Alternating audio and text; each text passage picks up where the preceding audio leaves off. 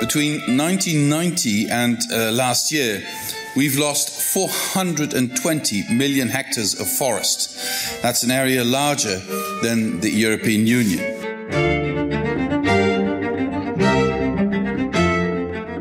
Welkom bij de podcast Waarom Europa? Europa-specialist professor Steven van Hekken van de KU Leuven en journalist Joris van der Poorten blikken terug op de afgelopen weken. Wat moeten we onthouden? Wat is blijven hangen? Wat ligt er op tafel en zal daar misschien nog een tijdje blijven liggen?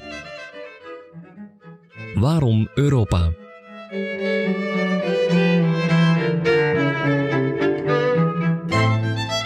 We blikken terug op een maand met migranten aan de grens met Wit-Rusland, het klimaat en de rol van ontbossing daarin, de al dan niet vermeende macht van big tech bedrijven zoals Facebook, tegenwoordig Meta genoemd, en staal.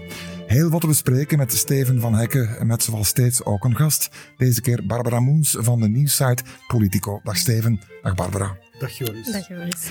Ik zou onze terugblik op de maand november één dag eerder willen beginnen, op 31 oktober. Van dan kondigen commissievoorzitter von der Leyen en de Amerikaanse president Biden in de marge van de G20 aan dat het afgelopen moet zijn met ruzie maken over staal. Mr. President, you and I, we have today agreed to suspend the tariffs on steel and aluminium and to start the work on a new global sustainable steel arrangement.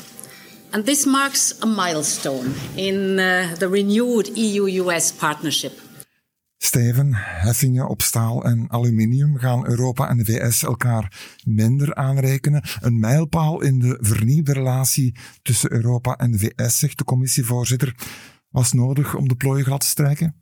Absoluut, maar of het een mijlpaal is, dat zal nog moeten blijken. Ik denk dat het wel een keerpunt is, want de relaties inderdaad tussen de Verenigde Staten en de Europese Unie, daar zat heel wat ruis op. En daar is natuurlijk de vorige president in grote mate verantwoordelijk voor, Donald Trump, die al in 2018 uh, tariefbeperkingen heeft opgelegd, met name op staal en aluminium. Dat conflict is eigenlijk geëscaleerd, ondanks een bezoek van de toenmalige voorzitter Jean-Claude Juncker naar het Witte Huis. En daar lijkt nu toch een doorbraak in zicht. Nu, in Europa gingen bij het aantreden van Biden heel wat stemmen op. Die zeiden van, kijk, opnieuw normaliteit, we gaan opnieuw op de VS kunnen rekenen. Maar heeft de terugtrekking van de militairen uit Afghanistan afgelopen zomer niet aangetoond dat die euforie misschien wat voorbarig was? Inderdaad, ik denk dat dat een hevige reality check was. Het feit dat de Amerikanen eenzijdig hebben beslist om zich terug te trekken uit Afghanistan zonder contact met de bondgenoten, ook niet met de Britten bijvoorbeeld. De Europese Unie, het is een magere troost, stond er in het kamp van diegene tegenover de Verenigde Staten, maar het was zeker een echte koude douche.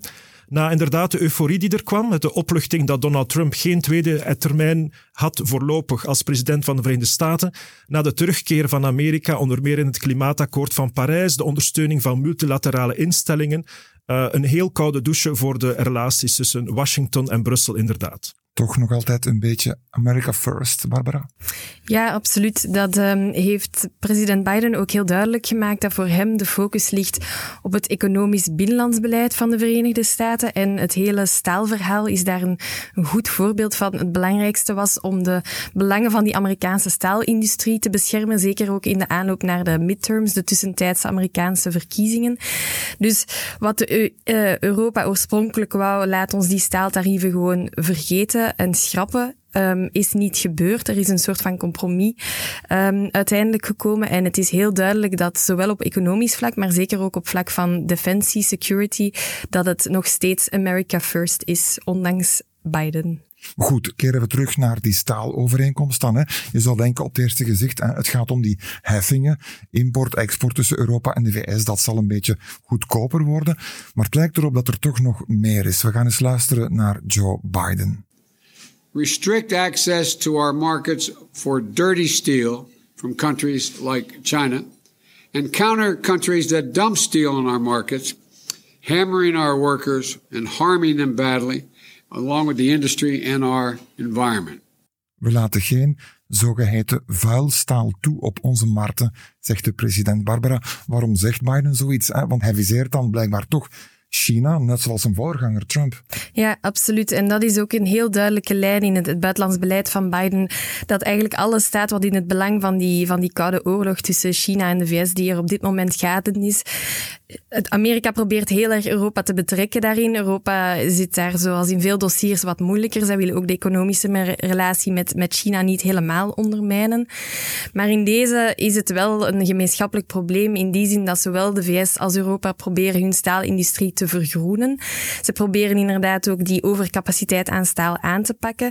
Dat is tot nu toe niet gelukt en ze hebben er nu alle twee belang bij om dat samen en ze willen ook heel duidelijk dat niet alleen VS-EU, maar ook openstellen naar andere landen um, om samen dat probleem aan te pakken en, en China te dwingen om zowel die overcapaciteit aan te pakken, maar inderdaad ook die vervuilende staalindustrie die er in China heel duidelijk is. Ja, om, omdat China goedkoper staal kan produceren door geen rekening te houden met, met milieu-impact, moeten heffingen China dwingen om, om dat dan toch beter en, en properder te doen?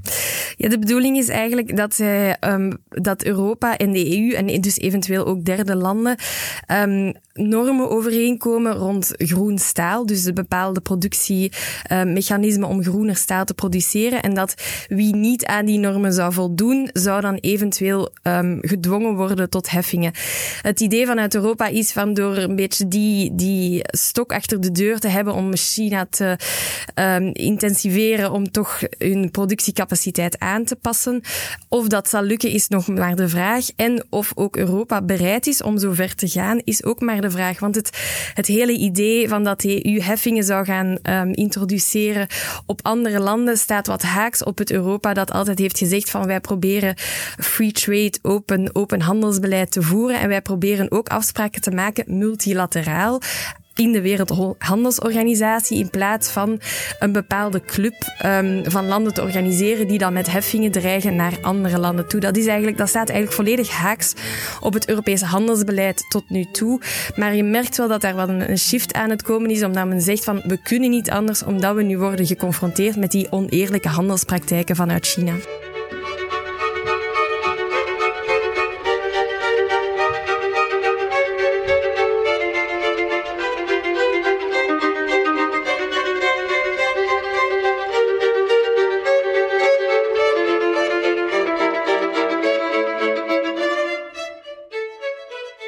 Klimaat betreft is het een bijzondere maand geweest met de klimaatconferentie in Glasgow, waar ook de Europese Unie het woord heeft genomen, bij monden van Eurocommissaris en vicevoorzitter van de commissie Frans Timmermans, man achter de Europese Green Deal.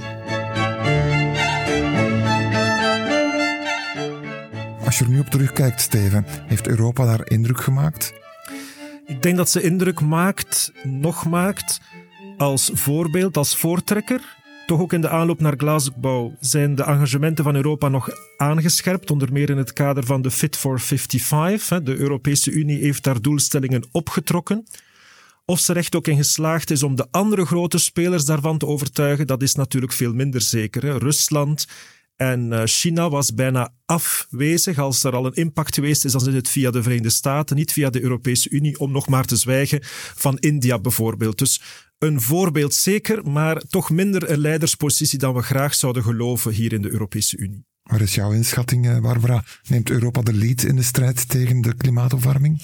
Ja, ik ben het, ben het grotendeels eens met de analyse van Steven in die zin dat inderdaad Europa probeert zelf het goede voorbeeld te geven, de, de goede leerling in de klas te zijn.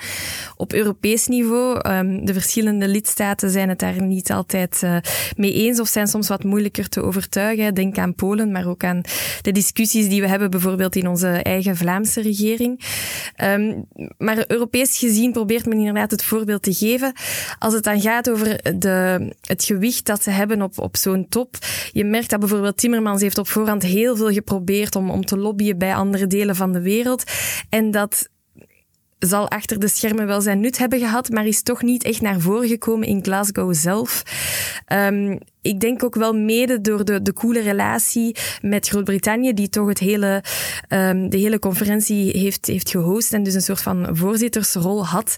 Die, um, die samenwerking ging niet altijd even, even vlot, is ons verteld. En inderdaad, het, het blijft toch vaak kijken naar de VS en, en wat zij doen om dan andere landen te overtuigen om, om mee te stappen. En dat is uh, helaas maar deel, deels gelukt. Nu, deze aflevering, deze podcastaflevering, begon met een quote van Timmermans over het verlies van bos en woud. Nu, enkele dagen nadien, hè, na die uh, conferentie in Glasgow, heeft de commissie een voorstel gepresenteerd om boskap tegen te gaan. EU demand for commodities like palm oil, soy, wood, beef, cocoa and coffee are strong drivers of deforestation. More and more citizens want us to put an end to this. Our proposal therefore creates a strong due diligence uh, system. It ensures that we only import these products if we can ascertain that they are deforestation free and produced legally. Anders gezegd, bedrijven die in de Europese Unie producten als palmolie, sojavlees of cacao willen verkopen, gaan moeten aantonen dat voor de productie van die goederen geen enkele boom is gekapt. Geen landbouwgrond ten koste van bos. Is de Unie, Barbara, als markt groot genoeg om zoiets in de rest van de wereld af te dwingen? In theorie ja. Um, de, de Europese markt is absoluut groot genoeg. En dat merk je ook in de vele verhalen rond het Brussels-effect. Dus als de EU bepaalde normen oplegt voor producten die zijn markt binnenkomen, dan heeft dat zeker een effect. Zeker als je dan dat combineert met sancties um, voor, voor wie de regels niet naleeft. Ik denk in, in deze specifieke wetgeving, um, er was inderdaad veel vraag naar. De intenties zijn er. Um, de vraag zal zijn, hoe controleer je dat natuurlijk um, in verschillende delen van de wereld? En daar um, worden er zeker vanuit het Europees Parlement nog heel veel vragen over gesteld, over hoe dit concreet zal um, uitgewerkt worden. Hetzelfde geldt voor de, de wetgeving die er nog zit aan te komen, die op het einde van, van dit jaar, in december, zal worden voorgesteld rond due diligence, vooral dan als het gaat over mensenrechten, bijvoorbeeld ook de, de forced labor ban voor producten die bijvoorbeeld vanuit uh, Xinjiang um, worden, worden ingevoerd. Um, daar ook daar zijn de, zijn de intenties nobel, maar zal het de vraag zijn hoe, hoe die worden nageleefd en hoe die worden gecontroleerd. Maar goed, ik onthoud uit jouw antwoord, de markt is op zich wel groot genoeg om het af te dwingen. En dan, Steven, kom ik bij die eerdere vragen. Kan Europa de lead nemen? Ze neemt de lead in de eerste plaats om haar eigen sectoren te beschermen, volledig het recht. Spelers binnen de Europese Unie, bijvoorbeeld op vlak van duurzaam bosbeheer, mogen geen comparatief nadeel ondervinden als zij aan hoge milieu- en duurzaamheidsstandaarden moeten beantwoorden ten aanzien van spelers van buiten de Europese Unie. Dat is een goede zaak. Als dat dan tegelijk ook kan leiden tot het verhogen van de milieu- en duurzaamheidsstandaarden bij derde spelers in de rest van de wereld, als onze hoge normen de uh, leiding nemen, dat is zoals Barbara zei, de Brussels-effect, dan, en omdat zij natuurlijk geïnteresseerd blijven in toegang tot onze interne markt, dan inderdaad kan Europa een uh, duurzame rol spelen, een leiderschapsrol opeisen in dit uh, specifiek dossier.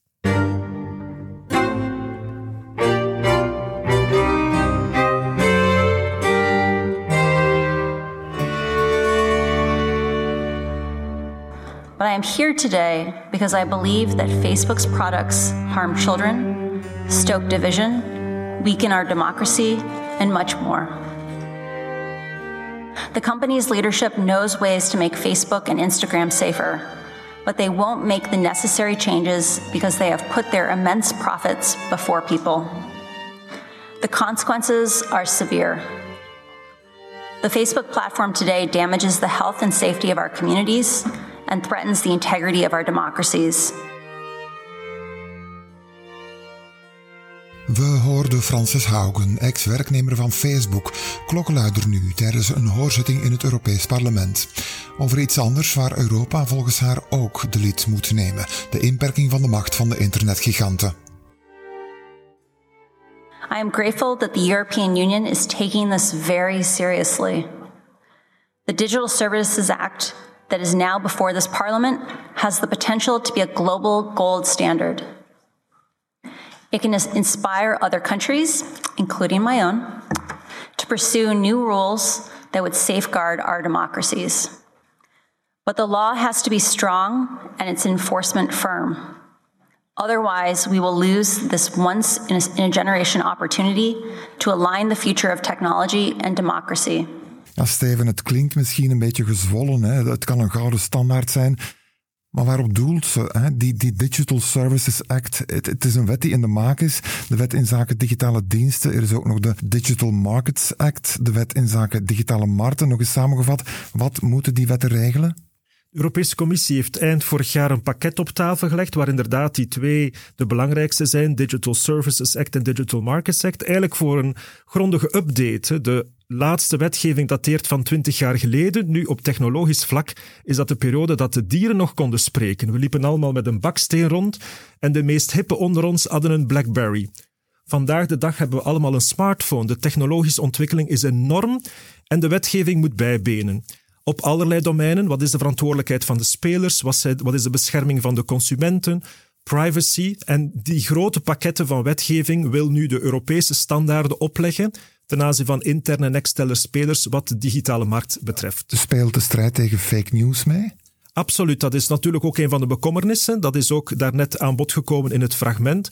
Het feit dat die digitale markt zo'n ontwikkeling heeft genomen en dat, die, dat eigenlijk de zelfregulatie niet gelukt is, of zeker onvoldoende en in die mate zelfs een bedreiging is geworden voor de basisinstellingen, voor de basisprincipes van onze democratie, is natuurlijk een extra trigger geweest om misschien sneller dan verwachten met uh, zeer verregaande regulering vanuit Europa uh, voor de dag te komen. Hoe kijk jij naar zo'n klokkenluider, Barbara? Iemand die ja, aan plein publiek uh, haar beklag doet over haar vorige werkgever en dan de Unie oproept om, om er iets aan te doen.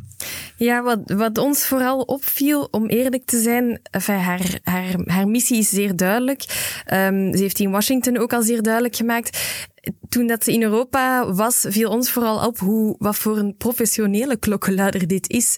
Um, hoe goed ze de Europese materie kent, hoe goed ze haar afspraken heeft gekozen. Ze zag ook niet iedereen. Er was in de commissie zelfs wat discussie over wie haar wel en niet um, mocht ontmoeten. Um, en, en zij, dat is ook geen toeval. Hè. Dus ze verzorgt haar PR, zeg maar. Ze verzorgt haar PR. Ze wordt ook ondersteund door Reset. Dat is een, een anti-tech lobbying firma die, die in Washington een groot is, uh, met mensen van, van het team van Hillary Clinton. Dus ze heeft het duidelijk heel goed professioneel aangepakt. En ze komt inderdaad in Brussel ook op exact het juiste moment. Op het moment dat die wetgeving echt in de, in de laatste fase zit. En dus nog wel kan beïnvloed worden in, in deze of gene richting. En inderdaad op termijn ook een, voorbeeldrol kan vervullen naar de rest van de wereld toe. En zeker ook naar Washington. Want men kijkt in de Verenigde Staten met, um, zeer, met zeer veel interesse en af en toe ook wantrouwen, want het gaat natuurlijk in grotendeels over Amerikaanse bedrijven, naar wat men hier um, in, uh, in, het, uh, in de Europese wijk aan het doen is.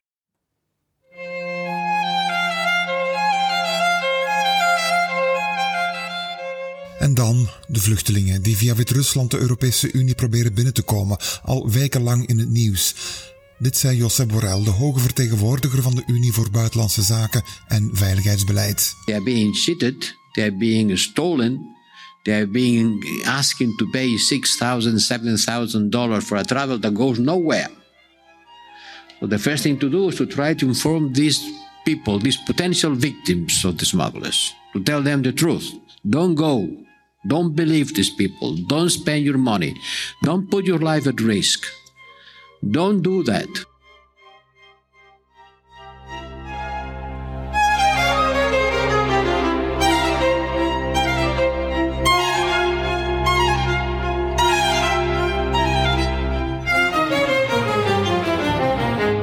Het is pijnlijk dat de Don't Come to Europe speech van Donald Tusk, toen hij inderdaad nog voorzitter was van de Europese Raad, eh, begin 2016 bijna letterlijk is herhaald door Jozef Borrell. Uh, toen ging het inderdaad om uh, de zwakke flank van Europa, het zuidoosten. Nu gaat het om de oostelijke flank, over land, trachten, migranten de Europese Unie binnen te raken. En Wit-Rusland wil via een chantagepolitiek eigenlijk de Europese Unie op de knieën krijgen. Hè hetzelfde probleem, wat betekent dat er wellicht een relatief goed crisisbeheer geweest is. Denken we aan de Turkije-deal. van 2016, maar dat ten gronde natuurlijk het probleem niet opgelost is. In het domein van asiel en migratie ontbreken structurele maatregelen die ons beter wapenen tegen de volgende migratiecrisis, waarvan toen voorspeld we zeker wisten dat die zou komen. Voilà, wat moest bewezen worden, is bewezen, helaas. Ik herinner mij oproepen van toen, onder meer van, uh, van Angela Merkel, laten we de vluchtelingen spreiden over Europa. Ja, het waren landen zoals Polen die toen tegen waren. Hè? Ja, sinds die periode zijn er ook heel veel initiatieven genomen. En er hebben ook al verschillende oplossingen op tafel gelegen. Inderdaad, het fameuze spreidingsplan, dat wel in theorie werkte, maar in de praktijk niet, omdat sommige lidstaten eigenlijk hun fair deel niet wouden opnemen. Een echt probleem van burden sharing. De commissie is ook met een pakket gekomen. Vorig jaar, het grote migratiepakket, dat is ook hangen, omdat de lidstaten er niet uitkomen. Het is inderdaad een beetje sneu dat de lidstaten nogal van positie wisselen naar gelang het uit hen uitkomt. Als het hen goed uitkomt, dan doen ze natuurlijk graag een beroep op de Europese solidariteit. Maar als het niet in een kraan past, dan houden ze, hebben ze liever geen pottenkijkers. Ja, Barbara, ik las op jullie site, Politico, dat Europa steeds meer verdeeld raakt. Ja, ik denk dat um, de situatie aan de grens van Polen vooral aantoont dat Europa hier al heel lang verdeeld over is. En dat dit is het zoveelste voorbeeld in het, uh, in het migratiedossier. Dat die interne verdeeldheid heel, heel pijnlijk aantoont. Het is een humanitair drama, maar ook een, een politiek drama voor Europa. De commissie probeert telkens verschillende initiatieven naar voren te schuiven, nu ook in de situatie met Polen. Maar zolang de lidstaten het daar niet over eens raken, um, is er weinig politiek mogelijk. En het is natuurlijk ook zo dat migratie in elk van die lidstaten, ook bij ons, nationaal, in de nationale context een bijzonder politiek gevoelig dossier is. Wat het ook begrijpelijk maakt voor elk van die Europese leiders waarom het zo moeilijk is om hier een Europees akkoord over te vinden. Nu, wat, wat, wat ik ook las uh, op jullie site is dat sinds de val van de muur in Berlijn Europa zowat duizend kilometer muur heeft opgetrokken. Dat is zes keer de muur van Berlijn. Ja, en je merkt dat die, die morele grens, als ik het zo mag zeggen, is telkens aan het opschuiven. Hè. Dingen die dat we inderdaad vroeger, of, zelfs nog maar een paar jaar geleden, vanuit Europa niet zouden verwachten, of, of zeker niet, ook niet zouden accepteren waarschijnlijk, gebeuren nu toch mondjesmaat, omdat men telkens kleine brandjes probeert te blussen, net omdat men niet tot zo'n globaal akkoord probeert te komen. En die, die moral high ground die Europa vaak probeert uh, te nemen, maakt het daarin ook wel heel moeilijk om dat te blijven doen. De morele grond. Steven, het woord is gevallen. We begonnen deze aflevering met de staalovereenkomst die de relaties tussen Europa en de VS moet verbeteren. Relaties die onder Trump waren bekoeld. Nu, vanuit Europa werd in die periode van Trump soms wel eens, ja, zeg maar, neergekeken op die Amerikanen die hun president steunde in zijn plannen om een muur te bouwen tussen Mexico en de VS.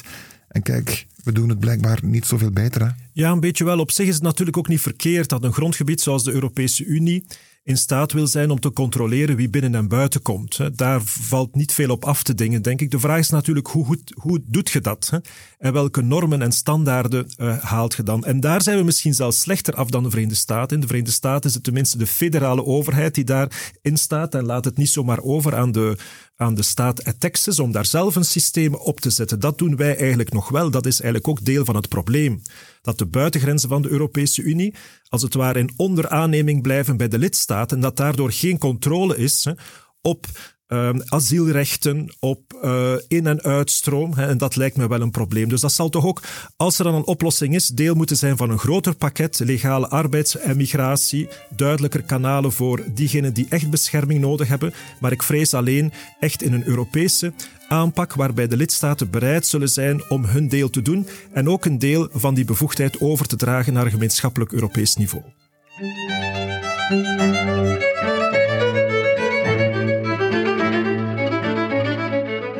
Zover deze aflevering van Waarom Europa. Ik bedank Steven van Hekken van de KU Leuven en Barbara Moens van Politico om deze aflevering te maken. En ik bedank u, beste luisteraar, om er naar te luisteren. De volgende keer blikken we terug op de maand december. Tot dan.